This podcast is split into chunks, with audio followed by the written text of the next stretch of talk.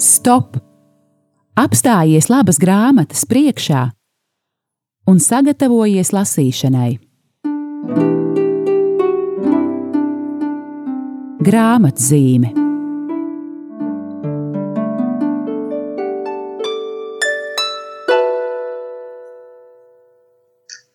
Lai slavēts Jēzus Kristus, esiet sveicināti, mīļie klausītāji! Ir kārtējā trešdiena, pulkstenis viens un laiks raidījumam grāmatzīme. Tas ir raidījums, kurā mēs runājam par grāmatām, dažreiz par jaunu grāmatu, dažreiz par iepriekš iznākušu grāmatu. Un raidījuma misija, raidījuma uzdevums ir jūs visus, mīļie klausītāji, darīt arī par lasītājiem. Lūk, ir novembris mēnesis, kurā mēs eh, aizdomājamies par mūžības tematiku, eh, lūdzamies par mirušajiem, lūdzamies par dvēselēm šķīstītavā. Un eh, šomēnes, novembrī, mieram tuvu komplekts, ko mēs piedāvājam, ir ar grāmatu Reinhārda Kērnera sarakstītu Kāpēc es ticu mūžīgajai dzīvei? Tā man jāmēģina saprast, kā lai es parādu tiem, kas man seko līdzi um, YouTube. Es pielikšu sev sajai priekšā, tad jūs redzēsiet, kā jā, man izdevās. Kāpēc es ticu mūžīgajai dzīvei? Brīnišķīga grāmatiņa, ko mēs izdevām jau pasen 2013. gadā, bet man prieks, ka mēs to atkal esam izcēluši no mūsu izdevniecības grāmatu plaukta, lai atkal jums, mīļie klausītāji, mīļie lasītāji, piedāvātu. Eh, Reinhārda Kērnera vārds eh, Latvijas kristiešiem nav svešs. Eh, Reinhards Kērners ir karmelītu tēvs no Vācijas, un uz viņa um, vadītajām rekolekcijām Birkenverderē Vācijā neviena viena latviešu grupa ir devusies un, un braukusi atpakaļ ar entuziasmu, pilnām atsauksmēm un, un prieku par šo mm, priesteru un par to garīgo stiprinājumu, ko viņš sniedz. Lūk, bet šodien atvērsim kopā grāmatu, kāpēc es ticu mūžīgajai dzīvei. Un ļaujiet man sākt jūs ar to iepazīstināt ar eh, grāmatas ievadu numuru divi, jo grāmatai tāda ir vesela divi, un ievadā autors Karmelītu tēvs raksta. Viņi mirs visi, ceļa biedri, draugi un draudzenes, tuvākie un tālākie radi, daudzie paziņas, visi, pirms manis vai pēc manis. Jā, daudzi arī pirms manis Tad tās atkal būs klāt ar katru nāvi no jauna. Šīs tik pazīstamās sāpes manā dvēselē. Reizēm uzliesmojot tikai uz brīdi, reizēm nedodot miera dienām ilgi, vai arī kāpjot no dziļumiem līdz kamolam kaklā uz ilgu laiku. Ar paša nāvi cilvēks nomirst vien, ar otra nāvi tam ir jādzīvo raksta dzēniece Maša Kaleko. Cik tas ir pareizi? Paša nāve, jā, tā arī pienāks. Tas ir tik pēdiņās nāvīgi droši kā nekas cits. Bet vai nomirst vien? Arī ar paša nāvi ir jāsadzīvo. Katrā ziņā vēlākais tad, kad tā par sevi ir nepārprotami atgādinājusi. Un mana nāve būs citu dvēseles sāpes. Kaut gan es eju pretī savai nāvei un līdzās bailēm un bažām, manī ir ilgas un ticība mūžīgajai dzīvē pie Dieva, es tomēr novēlu saviem mīļajiem, nomirsti par mani agrāk, tikai mazliet agrāk, lai māju ceļš tev, tev vienam nav jāiet. Es izlasīju šīs rindas Rainera kundzes, viņš ir pazīstams ateists dzējoļu krājumā, un tās mani aizkustina ar vien vairāk un vairāk, un dažreiz tās manī pārtop par lūgšanu. Nē, nevienmēr es esmu tā juties. Ilgu laiku es vispār par nāvi nedomāju, vismaz nopietni ne. Ne par paša nāvi, ne arī par citu nāvi. Kaut gan jau kopš bērnības tā bija sastopama, savā dvēselē es to neielaidu. Ar nāvi saistītais notika ārpus manis. Mana sirds piederēja nākotnē, tā atradās šai pusē un tiecās pēc sevis veidošanas, pēc savu plānu un ideālu īstenošanas. Vēl pēc tam, kad es jau biju kļuvis par priesteri un lielā pilsētas draudzē, gandrīz katru nedēļu vadīju aizlūgumus par mirušajiem un sacīju apbedīšanas runas, man personiski kaulainā viešņa palika tikko manām svečiniece.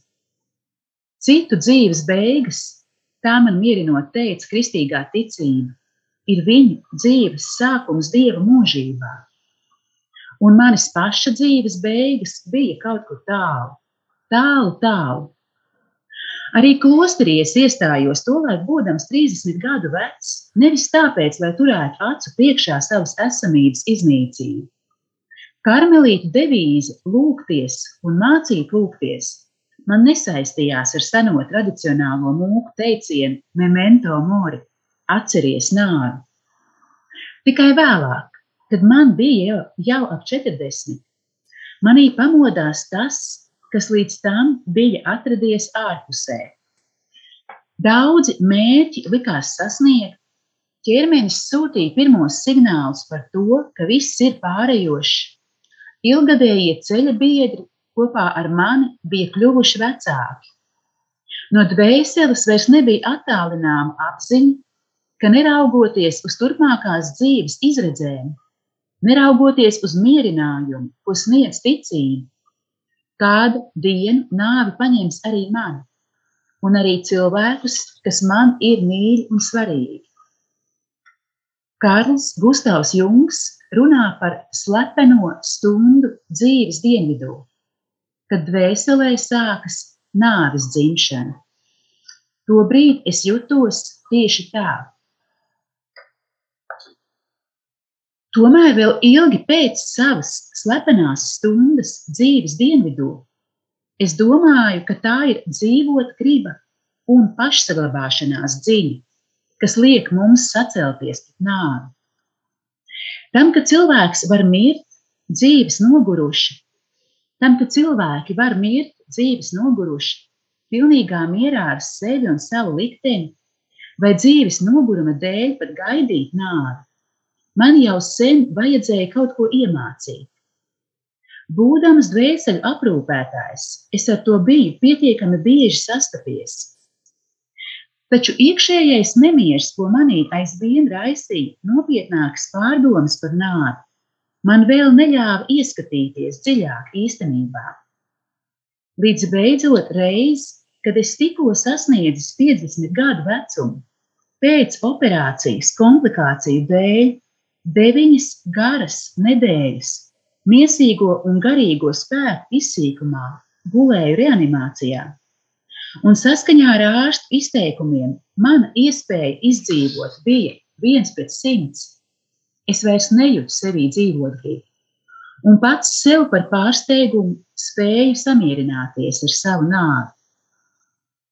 Tomēr tā bija kāda cita vara, kas man lika sakopot visus atlikušos spēkus un kopā ar ārstiem cīnīties pret nāvi.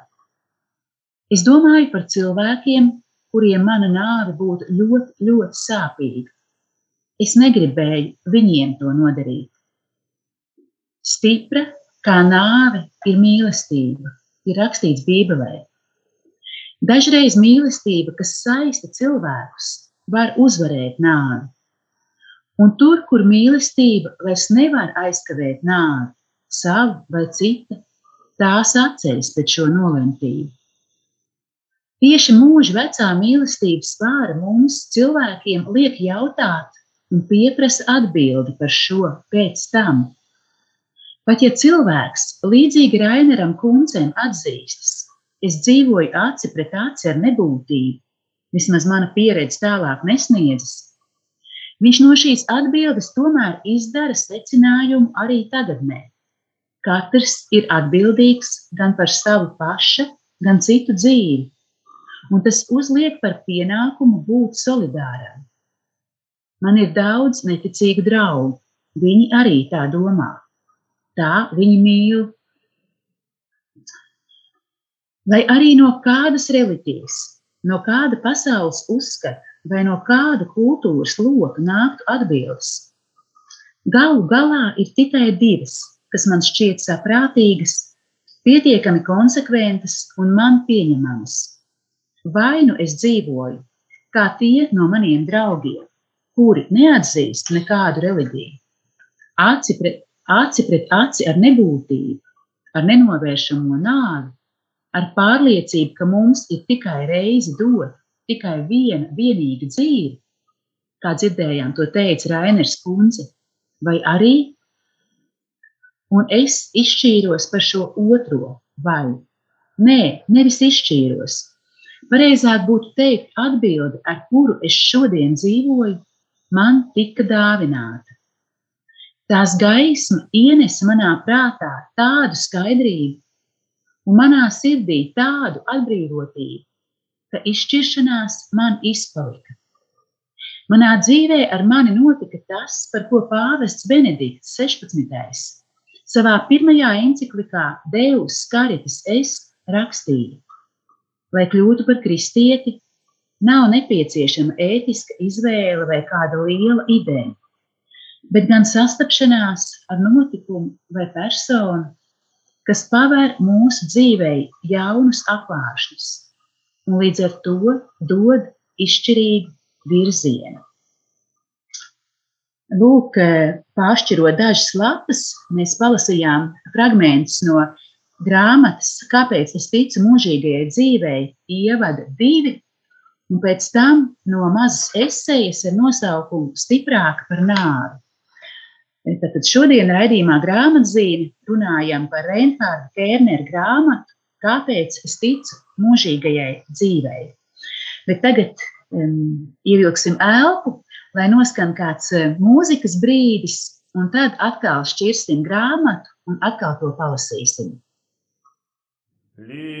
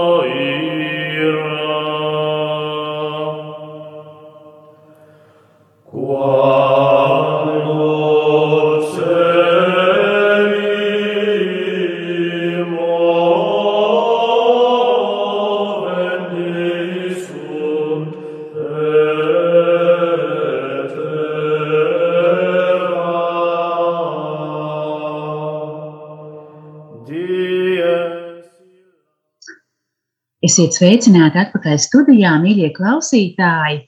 Jūsu uzmanībai raidījums grāmatzīme. Mans vārds ir Aija Balode. Piedodiet, es vienmēr raidījuma sākumā aizmirstu iepazīstināt ar sevi. un es pārstāvu izdevniecību kā rakstu. Un reizi pa divām nedēļām runāju par grāmatām Radio Marija ēterā. Un šodien man palīdz Olga Dadeka no Radio Marijas studijas. Un paldies gan Olgai, gan um, mūzikas padomdevējam, kas mums, visiem, mums visus iepriecināja un mierināja ar skaisto dziedājumu, ko tikko noklausījāmies. Lūk, eh, jā, un šodien raidījumā grāmatzīme mēs tātad runājam par grāmatu, kāpēc es ticu mūžīgajai dzīvei, ko sarakstījis um, priesteris Reinhards Kērners, karmelīts no Vācijas. Un ieklausīsimies vēl kādā brīnišķīgā esejā no šīs grāmatas jo Dievs saka, tu nemirsi. Tā šo esēju sauc.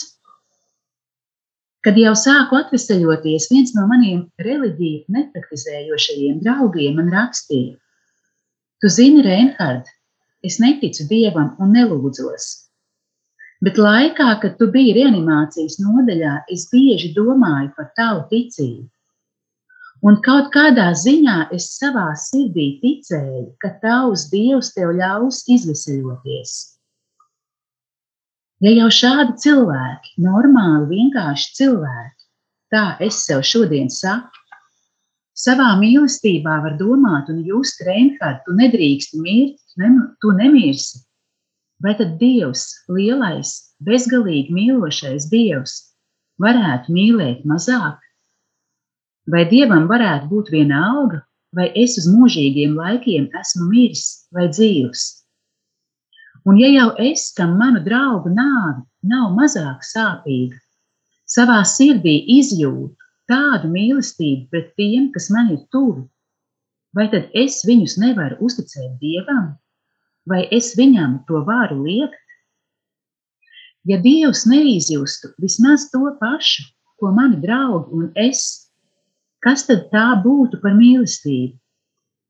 Tad jau viņš spētu mīlēt mazāk nekā šie cilvēki, un mazāk nekā es, un tas nu nekādā gadījumā nav iedomājams.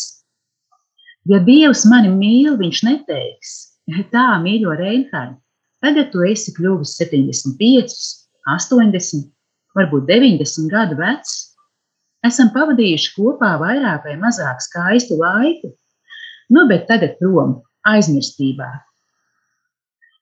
Dievs uzmodināja Jēzu no mirušajiem, un viņš uzmodinās arī mani un visus tos, kuru nāve man sagādā lielas sāpes. Es to zinu. Kaut arī ceļš līdz šādai apziņai bija garš, tagad esmu par to cieši pārliecināts. Es neapšaubām tieku mīlēts, raksta pāvests Benedikts 16. savā otrajā enciklikā Spēj salvi. Un, lai kas ar mani notiktu, šī mīlestība mani sagaidīs.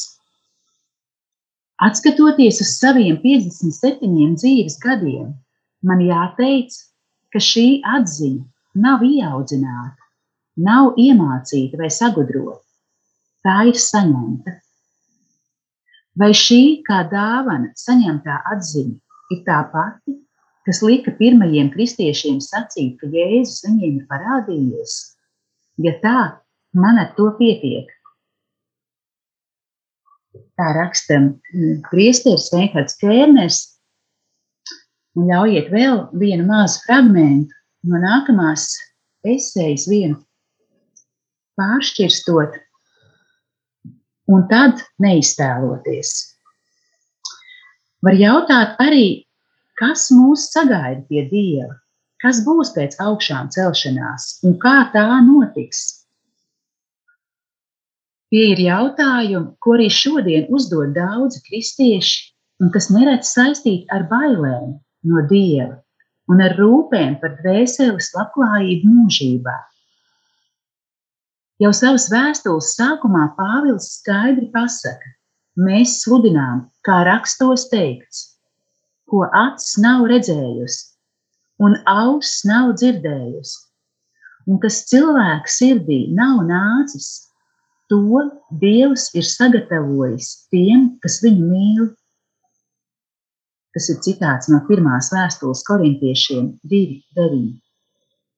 Tajā pašā rakstu vietā Pāvils teica: Mēs sludinām Dieva gudrību, kas apslēpta noslēpumā. Un šis noslēpums attiecas tieši uz to, kas mūs sagaida pēc nāves, ko Dievs ir paredzējis mūsu godībai vēl pirms pasaule tapa. Atbilstoši iepriekš teiktajam, gan Pāvils, gan četru evaņģēlīju autori, kā arī visi mums pazīstamie pirmo kristiešu sludinātāji, attiecībā uz šiem jautājumiem ir ļoti atturīgi. Neviens no viņiem nav iztēlojies pēcnāvus dzīvi, un arī pats Jēzus, spriežot pēc viņu liecībām, neko, nekad to nav darījis. Tiem, kas Jēzu klausījās, Pietika ar apziņu, ka Dievs viņus mīl, kā tēvs mīl savus dēlus un meitas, un ka abba Jahve nevienu no saviem bērniem nāvē neatstās. Jautājumi, kas un kā, pirmkārt jau baiļu un, un rūpju pilnie jautājumi, tika uzdot tikai tad, kad sāka bālēt Jēzus sniegtais skatījums uz Dievu. Tad, kad šim skatījumam pāri aizvien vairāk klājās priekšstats, ka Dievs nav tikai tāds, kas mīl, bet arī tāds, kas soda un atriebis. Cilvēks, kurš dzīvo ar šādu ambivalentu priekšstatu par Dievu, protams, nejūtas gluži omulīgi. Viņam nākas bailīgi jautāt, kā tas būs, kad es reiz nonākšu Dievu priekšā. Un tad, protams, vairs muļķīgi nav tikai jautājot, Vēl muļķīgākas var būt arī atbildes.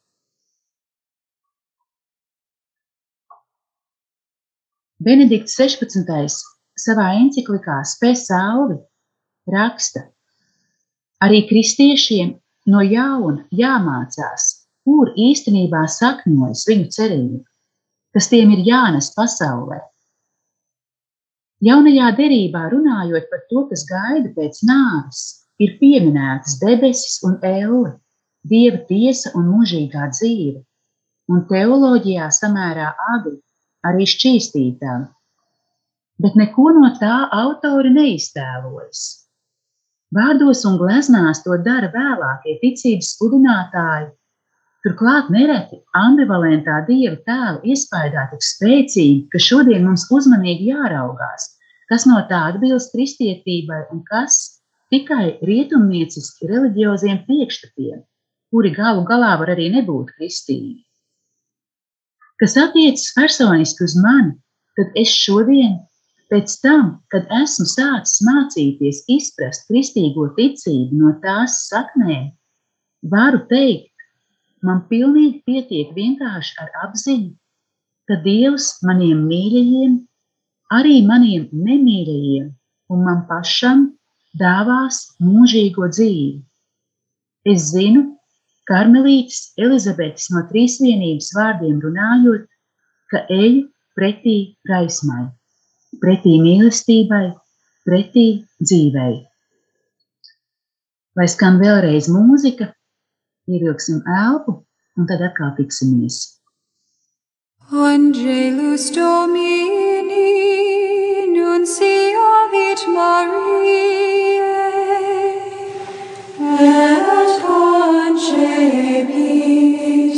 Spiritus Sancto. Ave Maria, gratia plena Dominus tecum, benedicta tu in mulieribus, et benedictus fructus ventris tui, Iesus.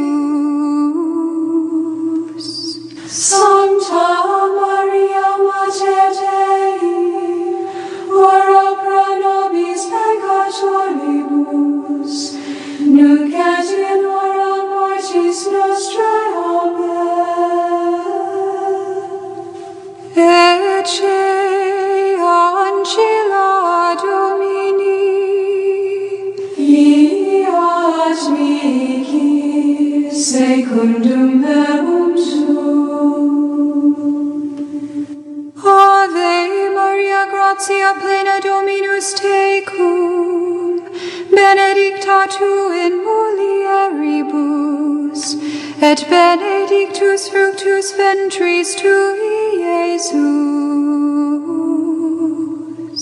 Sancta Maria, Mater Dei, ora pro nobis peccatoribus, nunc et in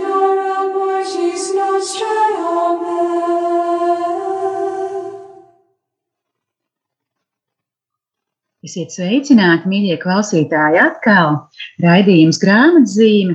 Un šodien runājam par grāmatu, kuru šomēnes novembrī piedāvājam mieram tuvu komplektā. Tā ir kāda iepriekš izdota grāmata, kā parasti, un šoreiz kāpēc es ticu mūžīgajai dzīvei. Un ļaujiet man nolasīt vēl kādu ārkārtīgi skaistu esēju no šīs grāmatas. Skatīt vaigu vaigā. Kādā no katoļu baznīcas svētās misijas lūgšanām par mirušajiem ir teikts: Uzņem viņus savā valstībā, kur tie varēs tevi skatīt vaigu vaigā. Te ļoti īsi un koncentrēti ir pateikts, kāda būs mūsu nākotne pie Dieva un mūžīgā dzīve debesīs. Tomēr tik ļoti lakoniski. Lakonisms, kas ietverts šajā lūkšanā, līdzīgi kā arī citos lūkšanu un skaidrojumu tekstos, daudziem cilvēkiem atņem prieku skatam uz nākotni un rada priekšstatu, ka dzīve debesīs ir garlaicīga. Svētais Augustīns vēl savā laikā runājot par Dieva pilsētu, formulēja: Mēs priecāsimies par Dievu un cits par citu. Divu vārdu trūkst iepriekš minētajā lūkšanā, kur tie tevi un cits citu varēs skatīt vaigu vaigā. Pāvests Benedikts 16. raksta, ka debesis ir sabiedriska īstenība. Es nelauzu galvu par to, kādā veidā tas vispār būs iespējams, ka pēc tam, kad Dievs mani būs uzmodinājis, es uzlūkošu viņu un savus dieva pilsētas līdziemītniekus, ne arī par to, kā Dievs un mēs tad izskatīsimies. Kad es, lietojot senu judeo-kristīgās ticības izteiksmes veidu, saku, ka mēs Dievu un citu citu skatīsim vaigu vaigā, es apzinos, ka visi vārdi, kurus mēs lietojam, runājot par Dievu un dzīvi pēc nāves, ir zemes dzīves vārdi. Bet mums nu reiz nav citu vārdu, kā mēs varētu dēvēt to, ko nespējam iztēloties. Atkal jau Pāvils mums norāda virzienu, kādā mēs varam raidīt savu ticību, dzirdot lūgšanu par mirušajiem. Pirmajā vēstulē korintiešiem 13. nodaļā viņš saka, mēs tagad redzam neskaidri, kā raudzīdamies atspulgā, bet tad vaigu vaigā. Vaigs te nav sejas daļa no pieres līdz zodām. Bībeles valodā tā ir persona kopumā, visā savas būtības dziļumā. Un tālāk Pāvils lieto vārdus atzīstu un esmu atzīts. Ar tiem Bībelē mēdz aizstāt vārdu mīlēt. Tagad es atzīstu daļēji, bet tad atzīšu pilnīgi, kā es pats esmu atzīts. Lai kā arī notiktu šī skatīšana vaigu vaigā, vienam es ticu nešaubīgi. Es patiešām es pats skatīšu, cik brīnišķīgs, varens un skaists ir Dievs, kurš tagad ir manas dzīves pamats. Neiedomājami skaists bet arī par citu es esmu pārliecināts. Dievs uzlūkos mani, pievērsīsies man ar mīlestību, kādu es pat skaistākajos sapņos nevarētu iedomāties. Pat manas damaskas stundas spožā gaisma šķitīs blāva šīs sastapšanās gaismas priekšā. Un tad, jā, tad es raudāšu, Raudāšu, kā nekad neesmu raudājis. Nevis tāpēc, ka Dievs man pārmetīs par to, ko esmu darījis ļaunu un neesmu darījis labu, bet tāpēc, ka viņš man neko nepārmetīs. Dievs mani vienkārši uzlūkos un sacīs: Tu, Reinhard, šajā skatienā un šajā uzrunā viss būs pajautāts un viss pateikts par viņu un par mani. Viss. Tajā pašā brīdī es pilnīgi atzīšu savus mīļos un savus nemīļos, un tāpat tajā brīdī viņi pilnīgi aicīs mani. Iespējams, mēs no jauna raudāsim. Raudāsim tā, kā mēs cits ar citu un cits par citu nekad neesam raudājuši.